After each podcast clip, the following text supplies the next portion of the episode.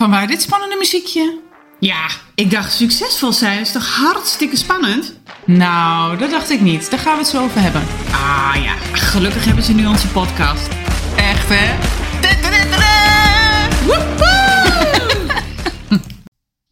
ja, podcast nummer 2. Hoe leuk. Dan hebben we gewoon echt mensen in onze eerste podcast zitten luisteren. Ja, cool is dat, hè? Super vet. En eh, we hebben heel veel reacties gekregen.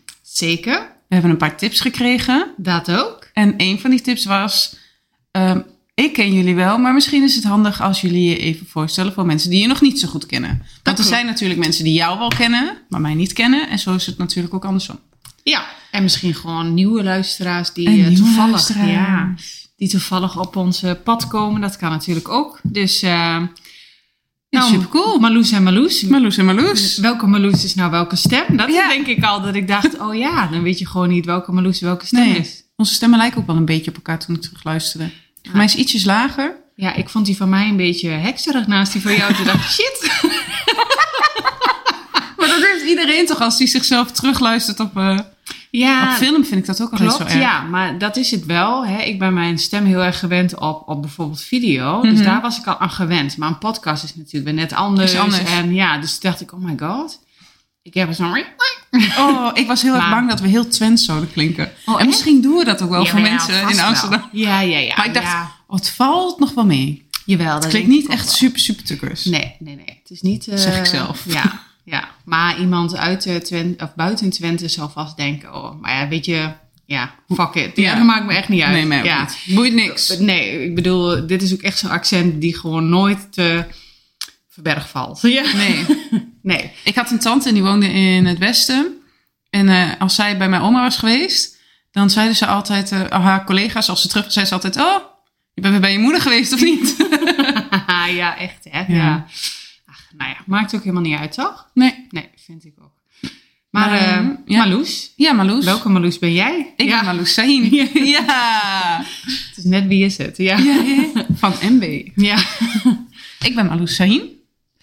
Ehm, en ik ben natuurlijk mama van twee hele mooie meisjes, Aisha en Malika. Eentje van vier en eentje van zes. Eh, zeven, ze is net jarig geweest. Oh. Eh, en ik ben getrouwd met Ozan in 2013. Dus dat is al wel een tijdje geleden. Ehm, ik ben 36 jaar. En, oh wat, wat erg om dat te zeggen, ik ben 36 jaar. Ik kom nog, hè? Ja. Ja, ik ben geboren en getogen in Oldenzaal. Ehm, heb na de middelbare school het CIO's gedaan.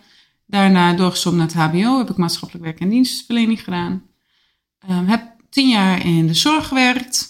En nadat ik kinderen kreeg, strookte dat eigenlijk allemaal niet meer zo. Ik had nachtdiensten. En na die nachtdiensten ging ik dan mijn kind ophalen. En dan had ik gewoon dus twee dagen en één nacht niet geslapen.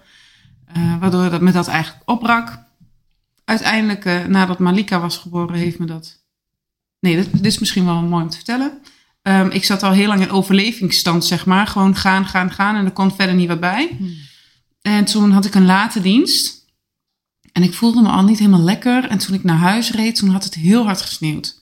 En ik werkte in Almelo, dus dat was al een half uur rijden. Dus ik heb echt anderhalf uur gedaan erover om terug in huis te komen. En ik voelde me niet lekker en ik voelde me niet lekker. Dus ik was om half één in huis. En toen heb ik me gedoucht. Toen werd ik om vijf uur wakker of zo. Toen moest ik heel erg overgeven. Ja, heel naar om te vertellen. Maar ik, was, ik voelde me echt heel slecht. Mm. Ehm, toen heeft Ozan de volgende dag eh, Malika naar zijn moeder gebracht. Maar ik zei, ach, laat Aisha maar hier. Dat trek ik wel, maar dat trok ik echt niet. Dus mijn moeder gebeld.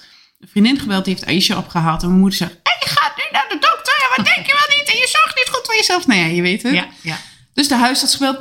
Die was er natuurlijk niet. uiteraard. Uiteraard. Dus ik kon bij een andere huisarts terecht. Die middag. Ehm, en ik rij, eh, ik stap in de auto en ik rij ehm, bij de Engelse tuin. Wil ik daar zo de bocht om. Mhm.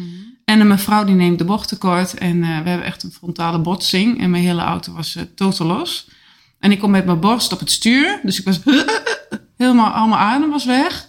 En, maar verder had ik er niet echt wat aan overgehouden. Maar ja, vervolgens sta je daar dus. De politie moet worden gebeld. En ehm, ja, die mevrouw die was echt... Ik weet niet waarom ze boos was, maar zij was echt heel boos. En ik was gewoon een beetje in shock. Dat ik dacht, wat gebeurt er nou? Nou, ik mijn man gebeld. Die kwam, eh, die zegt, ik kom eraan, maar bel mijn vriend maar alvast. Want die woont daar in de buurt. Dus nou ja, ik die vriend gebeld, die kwam eraan. Die zegt ook nog tegen die vrouw, wat was je aan het doen? Was je op je mobiel bezig of zo?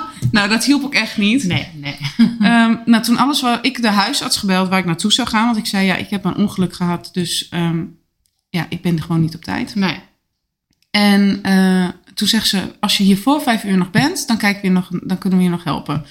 Vijf uur stap ik daar de praktijk binnen. Die vriend van mijn man heeft me dus gebracht daar naartoe. Ehm, toen hebben ze mijn waardes gemeten. Bleek dat ik een blinde darmontsteking had. Dus dat ik daar die buikpijn van had. Dat was wel logisch. Ondertussen dus kwam Ozan ook daar naartoe. Hij heeft ondertussen geregeld met de kinderen.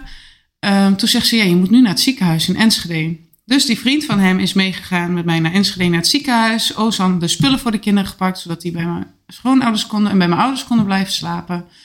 Toen kwam hij ook daar naartoe. Ehm, hebben ze me eerst getemperatuurd, toen was er nog niet heel veel aan de hand. Twee uur later had ik gewoon bijna 40 graden koorts. Dus toen zei ze, ja, we moeten je wel helpen, maar dat kan niet nu. Dat gaan we morgen vroeg doen.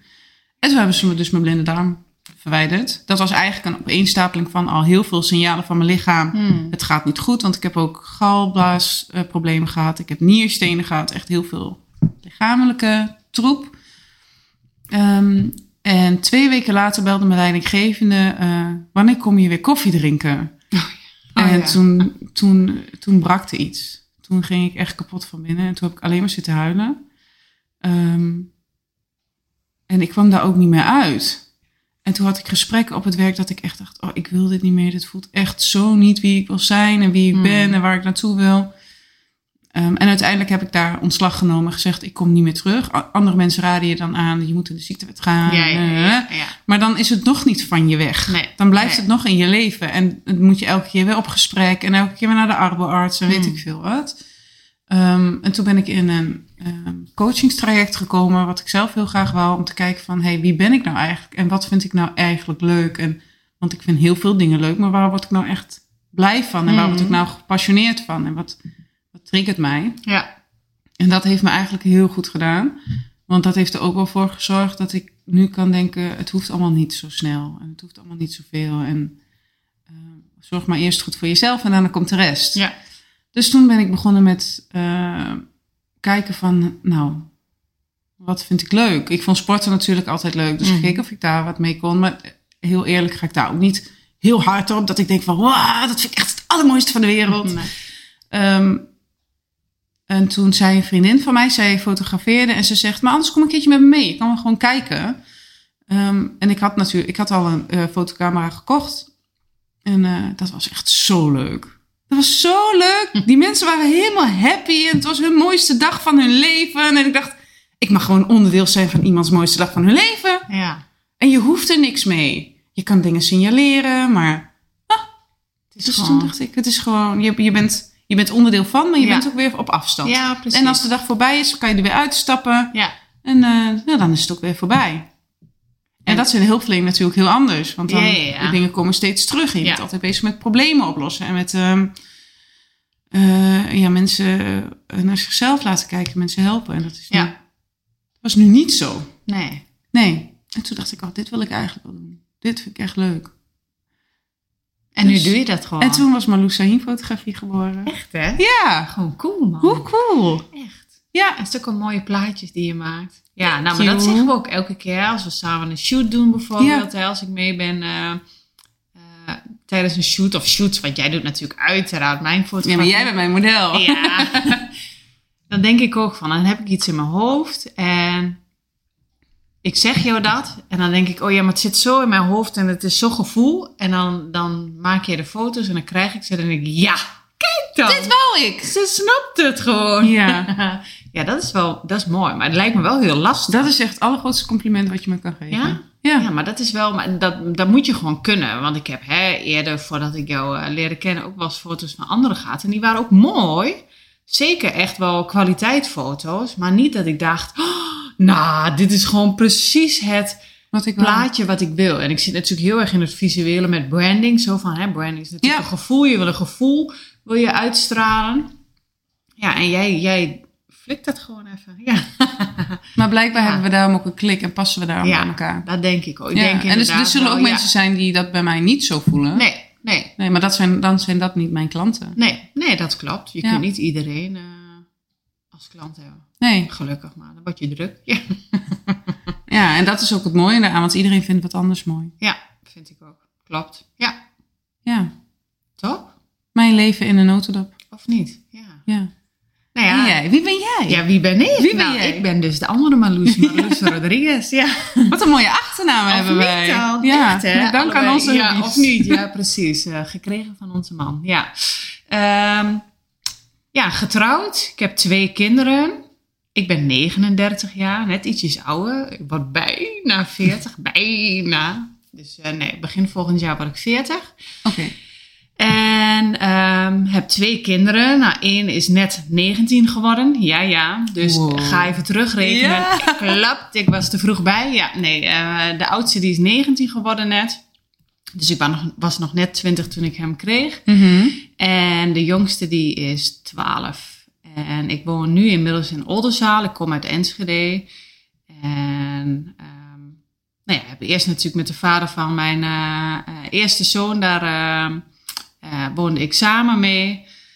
En dat ging eigenlijk al snel na, de geboorte van Ryan ging dat niet helemaal goed. Dus eh, zijn we ook gescheiden. Nou, ik was volgens mij 21, 22, ook volgens mij net 21 of zo toen ik eh, er alleen voor kwam te staan. Ben je echt nog een kuken, hè? Ja, echt hè. Ja. Maar ik voelde me toen natuurlijk heel erg volwassen. Ja. Even heel kort, want eh, ik bedoel, daar, daar kan ik niet, eh, of nee, daar wil ik niet verder over uitweiden, want dat is nog een groter verhaal. Maar ik was natuurlijk 15 toen ik al in een internaat kwam te wonen. Mhm. En dan met 18 kom je uit de jeugdzorg, hè, zo noemen ze dat. Hè. Dan is de jeugdhulp, valt gewoon weg. Dus dan moet je gewoon op jezelf wonen. Ja. Dus ik voelde mijzelf natuurlijk al een hele volwassen vrouw. Ja, tuurlijk. Want ik moest mijn eigen boontje al doppen, al vanaf heel jongs af aan. Nu ik terugkijk, denk ik, ja, oké, echt niet. Maar dat gevoel was er toen eh, wel. Dus hè, dat was ook heel logisch. Ik was al 15 toen ik met zijn vader verkering had. Dus we waren al heel lang verkering. We woonden al twee jaar samen, weet je. Dus dat, Ja. dat is een beetje in een notendopje dan is een kindje gedeelte. misschien ook wel een logische stap. Hoe je dan denkt op dat moment. Ja, ja, ja. ja, Ja. Dus, eh, maar ja, kwam ik er al snel alleen voor te staan. En ehm, Ryan is een eh, eh, ontzettend schat van een, van een vent. Hij is echt 2 meter acht. Nou ja, het is gewoon echt een, een schatje. Hij heeft alleen wat extra zorg nodig. En Mhm. ja, voor zijn privacy ga ik daar niet zo heel Nee. ver over uitweiden. Ook al zal het hem vast geen ene moer schelen. Maar nee.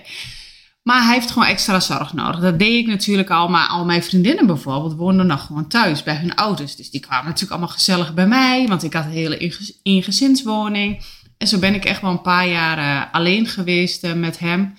En eh, ja, echt best wel gezellig gehad. Want toen was eigenlijk een beetje mijn jeugd weer. Dus als hij het weekend naar zijn vader ging, ging ik stappen met mijn vriendinnen. Oh ja. Dat.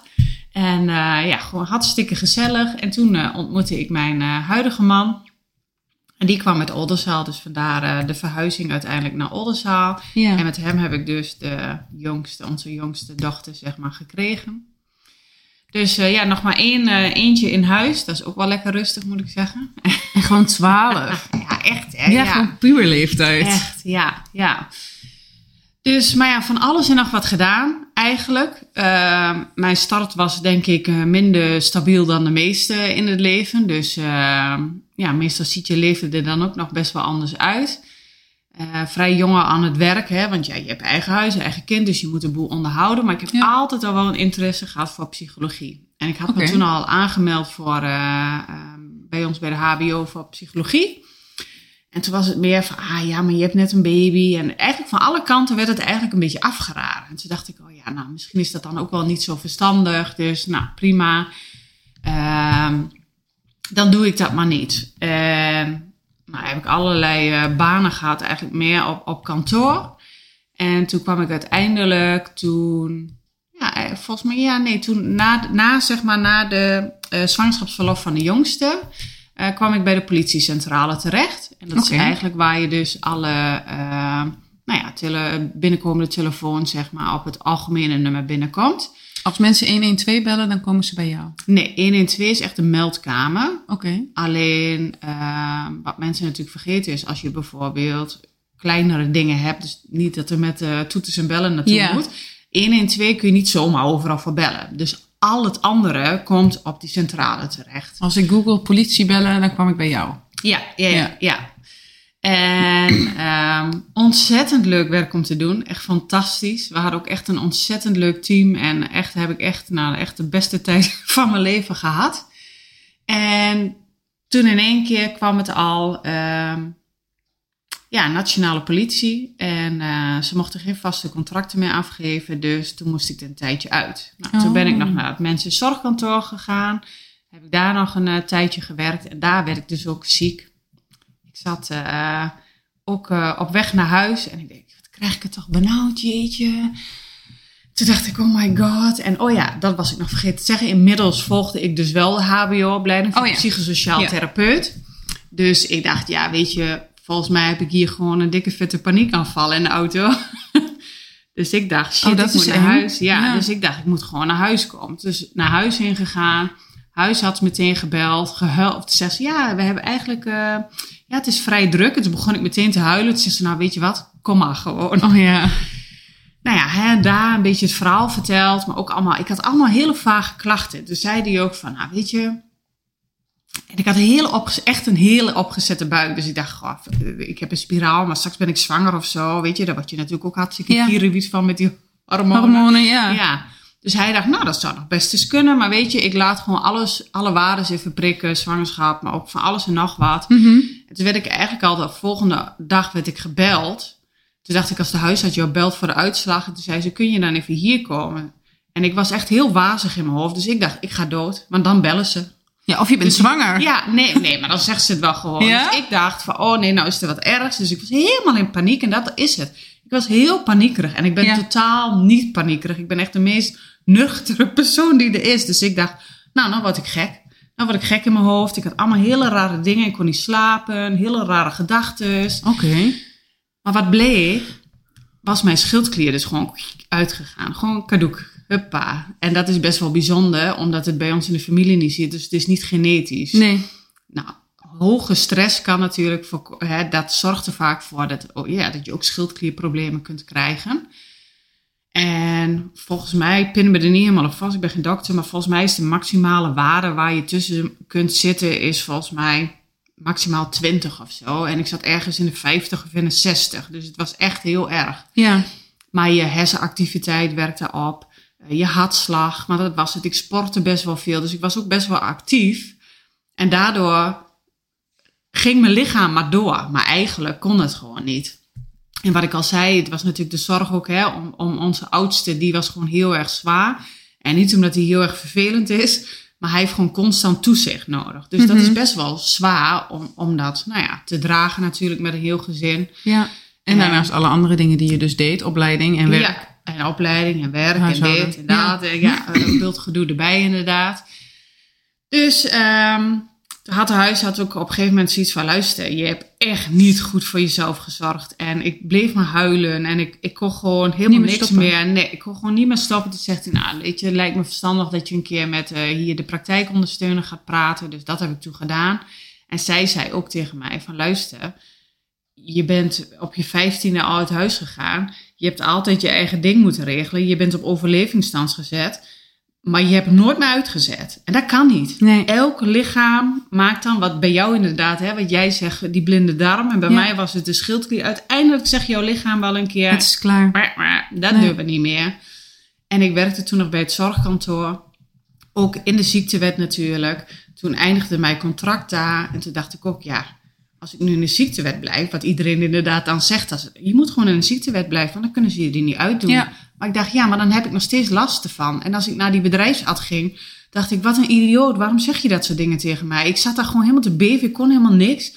Moest ik in één keer, moest ik weer naar de afdeling, ik kon alleen nog maar huilen. Ja. Dat is het enige wat ik kon. Dat echt een collega tegen mij zei, ja, Wat doe je hier? wat doe jij hier? En dat gaan we echt niet doen. Kom, eh, zij werkt in de buitendienst, je gaat met mij mee. En die zette me op een stoeltje en die eh, dacht van, nou, dit kan echt niet. Dus toen dacht ik, weet je, dat ga ik echt niet doen. Dit, dit, ik, ik wil, alleen al dat ik naar die bedrijfsarts toe moest, Ja. dat, dat ging me al helemaal, daar werd ik helemaal na van. Oh, wat toen dacht ik, ja, toen dacht ik, weet je, nee, dan stap ik gewoon. Dan ga ik nog liever de WW of wat dan ook in. Maar dit ga ik echt, echt, echt niet doen. En ehm, nou ja, dan langzamerhand, hè, na een paar weekjes Netflix eh, op de bank, denk je van, nou, oké, nu heb ik wel zin aan wat. En toen kwam ik ook op het pad van, ehm, eh, van fysiologie. Ik vind fysiologie gewoon ontzettend leuk om te doen. Mhm. Ik keek heel veel eh, tutorials op YouTube en dat soort dingen. En eh, ging ik in avonduren ging gewoon workshops eh, eh, geven van een cosmetica merk. En daar hadden we een training van. En daar was een dame en die deed eh imago styling. En die vertelde dus van, goh, ehm, zwarte bedrijfskleding, want dat hadden we daar dan. Dat was een beetje afstandelijk. En dan Ja. kun je beter kiezen voor bijvoorbeeld antraciet of zo. Nou, dan, Ja. dan heb je bij mij al meteen, oké, psychologisch, hè, van waarom is dan die kleur zo? En eh, nou ja, een beetje het uiterlijk natuurlijk vind ik ook wel ontzettend leuk. Dus toen ben ik me daar een beetje in gaan verdiepen. En toen dacht ik, god, er bestaan gewoon opleidingen voor. Dus ik ben heel impulsief, dat weet je. Ja. Dus ik meteen, hup, die opleiding natuurlijk eh, voor aangemeld. En zo kwam ik eigenlijk in het imago-styling vak meer met de gedachte van... Weet je, dat ga ik gewoon voor mezelf doen. Mhm. Want nou ja, ik ben bijna 1,80 meter. Ik ben best wel, wat steviger gebouwd, wat groffer gebouwd. Altijd al groter dan de rest. Dus ja, de issues met je lichaam, eh, dat kennen we allemaal. Of je nou groot, klein of wat dan ook Mhm. bent. Dus ik dacht, ik wil gewoon weten hoe je je gewoon leuk kunt kleden naar je figuur. Welke kleuren je mooi staan. En, en nou ja, dat soort dingen. En ehm, toen kwam ik er eigenlijk achter dat het psychologisch nog meer met je doet. Het is echt gewoon zo'n wereld van verschil als jij je anders gaat kleden. Ja. En zo krabbelde ik er eigenlijk een beetje uit. Nou, toen kwam ik weer in contact met, eh, eh, met een oude chef van de politie. Daar zochten ze weer mensen, dus toen ben ik weer teruggegaan naar eh, de politiecentrale. Alleen het beviel niet zo. Nationale politie is echt wel anders dan wat we toen hadden. Dat hele was zeg maar regionaal. Ja, ja, Ja. toen was het echt nog politie Twente. Nu is het politie Oost-Nederland. Dat is gigantisch groot. Dus Ja. het hele beleid is groter. En het paste gewoon ook niet met mijn stylingbedrijf, die ik inmiddels al was begonnen. Dus Mhm. eh, dat ging gewoon allemaal een beetje lastig. Dat ik dacht, nee, ik ga Moest gewoon, keuzes maken. ga gewoon vol voor mijn bedrijf. Gewoon Ja. klaar. Nou, dat is eh, inmiddels eh, bijna zes jaar geleden natuurlijk hè, dat ik mijn bedrijf ben begonnen. Ontzettend veel geleerd, ontzettend veel gedaan. Echt ook heel erg verdiept in het online ondernemerschap. En eigenlijk een beetje nu in het branding en marketing Mhm. gedeelte gerold. Omdat ik alles deed voor mijn eigen bedrijf en daar heel veel trainingen in volgde. En ik vond dat eigenlijk leuker. Ik vond het he- opzetten van een online bedrijf, het social media gebeuren, dat vond ik nog leuker dan het styling zelf. Oké. Dus vandaar dat het natuurlijk een beetje zo naar Branding Genius is Ja. gegaan. Een Dus- natuurlijke flow, zeg maar. Ja, ja, Ja. echt wel een beetje een upgrade, zeg maar. Want ik doe natuurlijk nog wel een heel klein stukje eh, presentatie, styling in Branding Genius. Dus dat was ook wel een beslissing om dan eh ehm, ja, een nieuw jaar te stoppen met mijn stylingbedrijf. Want ik heb nu nog twee bedrijven naast elkaar. Maar ik voel gewoon niet meer die energie in het stylingbedrijf. Dus eh, ja, die gaat Het er gaat dus- over. En Ja. dat styling gedeelte neem je natuurlijk altijd mee. Ja, neem je Ja. altijd mee. Het is alleen nu een heel klein onderdeel van wat ik doe. Ja. Dus dat is echt wel ontzettend leuk. En dat is het eigenlijk. Mijn eh, hele verhaal in een heel klein notendopje. Ik zeg altijd over mijn hele leven kun je wel een boek schrijven. Een heel dik boek. Nou, Dus dat, mooi. gaan we- Ik maak ja. ook boeken, wist Ja. je dat al? Ja, dus eh, ja, dat is echt wel een dingetje. Ja, maar dat doe je ook nog. Die heb je net niet helemaal Dat heb ik net verteld. helemaal niet verteld. Ja, de Nee. ontmoeting. Ja. Nog, Dat- een, nog een bedrijf waar Nog je een bedrijf. bent. Ja, en zoals ik al zei, ik vind alles leuk. Ja. Dus eh, een ontmoeting. Ja, dat doe ik samen met Ruffy van Rooij. Zij is schrijfster. En ehm, samen met haar eh, interviewen we mensen over ehm, wat ze in hun leven hebben meegemaakt. En dan beginnen we meestal met waar kom je vandaan? Wat voor, uit wat voor gezin kom je? Hoe waren je ouders? Wat waren belangrijke normen en waarden? En dat is natuurlijk, als je in de stad bent geboren, is dat heel anders dan dat je ehm, van de boer komt. Ja. Waar het Noorderschap bijvoorbeeld heel erg was. Of als jij in de oorlog bent geboren ehm, of bent grootgebracht. Ja, dat is natuurlijk ook al heel erg anders. Dus ehm, eh, eh, daar maken we een begin. En ehm, dan gaan we met iemand eigenlijk zijn hele leven door. Hoe heb je je partner ontmoet? Hoe was het om kinderen te krijgen? Wat zijn dingen geweest die jouw leven echt op een ander spoor hebben gezet? Ben je blij met de keuze die je toen hebt gemaakt? Of, nou ja, daar gaan we het hele leven mee door. We zoeken foto's met die mensen zelf hun hele leven hebben verzameld. Mhm. En waar ze ook heel blij mee zijn. Foto's waar hun ouders nog op staan. Of eh, een broer of zus die is overleden. Ehm, en ik maak foto's van hoe ze er op dit moment uitzien. Ja. Eh, en dat is natuurlijk ook voor iedereen anders. Want we hadden ook een meneer die had geen kinderen. Die is nooit getrouwd geweest. Dus van Hmm. hem krijg je dan hele andere foto's dan Ja. iemand die vijf kinderen heeft Ja. gehad of zo. Dan is het ook heel mooi om een totaalfoto te maken. En ehm, van oudere mensen worden niet zo heel vaak foto's gemaakt. Nee. Terwijl het wel heel mooi is om een mooi portret van je oma te hebben of Ja. van je moeder. Dus ehm, ja, dat doen we. En meestal is dat dan een cadeau van de kinderen aan hun ouders. Of dat de ouders zelf zeggen van nou eigenlijk wil ik niet dat mijn verhaal weggaat. Ja, dat. Want dat is het. Als iemand er niet Ja. meer is, is zijn verhaal er ook niet meer. Nee, nee, dan wordt het verhaal misschien wel verteld, maar door iemand anders. En daardoor Ja. verandert het verhaal Ja. alweer. En dit is echt eigen... En dat, dan is het ook niet hoe jij het hebt beleefd. Want Nee. ik heb dingen heel anders beleefd dan dat mijn broertje ze heeft beleefd. Ja. Ja, ja, ik heb echt al een aantal boeken gezien. Ik vind dat echt zo fantastisch. Het is echt, eh, ja, het is echt, echt een heel cadeau. waardevol. Ja. Ja. echt waardevol. Het is echt een herinnering die dan veel tastbaarder blijft, zeg maar. ja. Ja, nee, echt We hebben één, eh, één mevrouw en die eh, ehm, vlak nadat we het boek af hadden, bleek dat ze ziek was. Is ze, ze woonde nog altijd op zichzelf, dus nu woont ze in een, eh, in een verzorgingstehuis. En ze zegt, ik lees het elke dag. Oh, Want ik mis mijn man zo. En elke Oh, keer als ja. ik dat boek weer even lees, dan is het net alsof hij er weer een beetje... Ja, oh, wat fijn. Ja. Dat is toch het mooiste wat Dat je is kunt doen. super dankbaar. Echt, ja, Ja, top. heel, heel erg leuk om te doen. Ja, Ja. nou dat was het eigenlijk een beetje, hè? Ja. Of heb je nog meer? Ons. Ons- Nou, ik dacht net wel toen je aan het vertellen was over ehm, de wegen die je hebt gemaakt. En dat je zei van. Toen kwam ik er gewoon achter dat daar ook een opleiding voor was. ja. Toen dacht ik, maar dat is eigenlijk ook hoe, hoe je gaat keuzes maken als je jong bent. Naar, nou, wat, doe je, wat doet je moeder en wat doet je vader? En ehm, je, je kijkt een beetje van ehm, eh, wat, wat is er bij jou in de buurt en wat Ja. voor opleidingen worden er aangeboden. En dan hoorde ik laatst, had ik iemand aan de bar zitten, want ik werk ook nog bij Auto Challenge Park. En die vertelde dat ze bij een school een project eh, deden. En dan kijken ze naar de, nou waar is een kind nou heel erg goed in? Mhm. Wat vindt hij heel erg leuk? Wat, dus wat zijn zijn talenten? Mhm.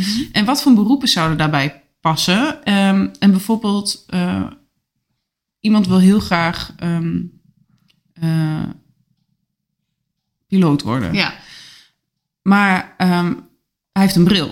Ja, dan wordt het al heel lastig. Ja. Want dan word je. Maar wat voor beroepen zijn er nog meer? Wat aansluit op dat piloot zijn? Wat is het nou dat jou, jou zo leuk lijkt aan het piloot zijn? ja, Want misschien zijn er ook wel andere beroepen die daar op aansluiten. Maar weet je helemaal niet dat die beroepen bestaan. nee. Toen dacht ik, nou, dit moet je kinderen aanbieden. Ja. En dan mee laten lopen. Kijken hoe het is om dat werk te doen. Ja. Ja, want het komt altijd, bij mij kwam er altijd militair, politieagent, leidinggevende, dat soort dingen uit. Ja. Eh, en dan denk ik van, oké, weet je, dat snap ik wel bij mijn karaktereigenschappen. Mhm. Maar dat is juist het, eh, het, hè, het, het politiegebeuren vond ik echt wel, wel fantastisch. Ook gewoon op kantoor natuurlijk, niet buiten, maar op kantoor was het ook gewoon al fantastisch. Zoals leidinggevende, ja, is natuurlijk wel ontzettend leuk, maar daar heb ik nooit geambieerd of zo.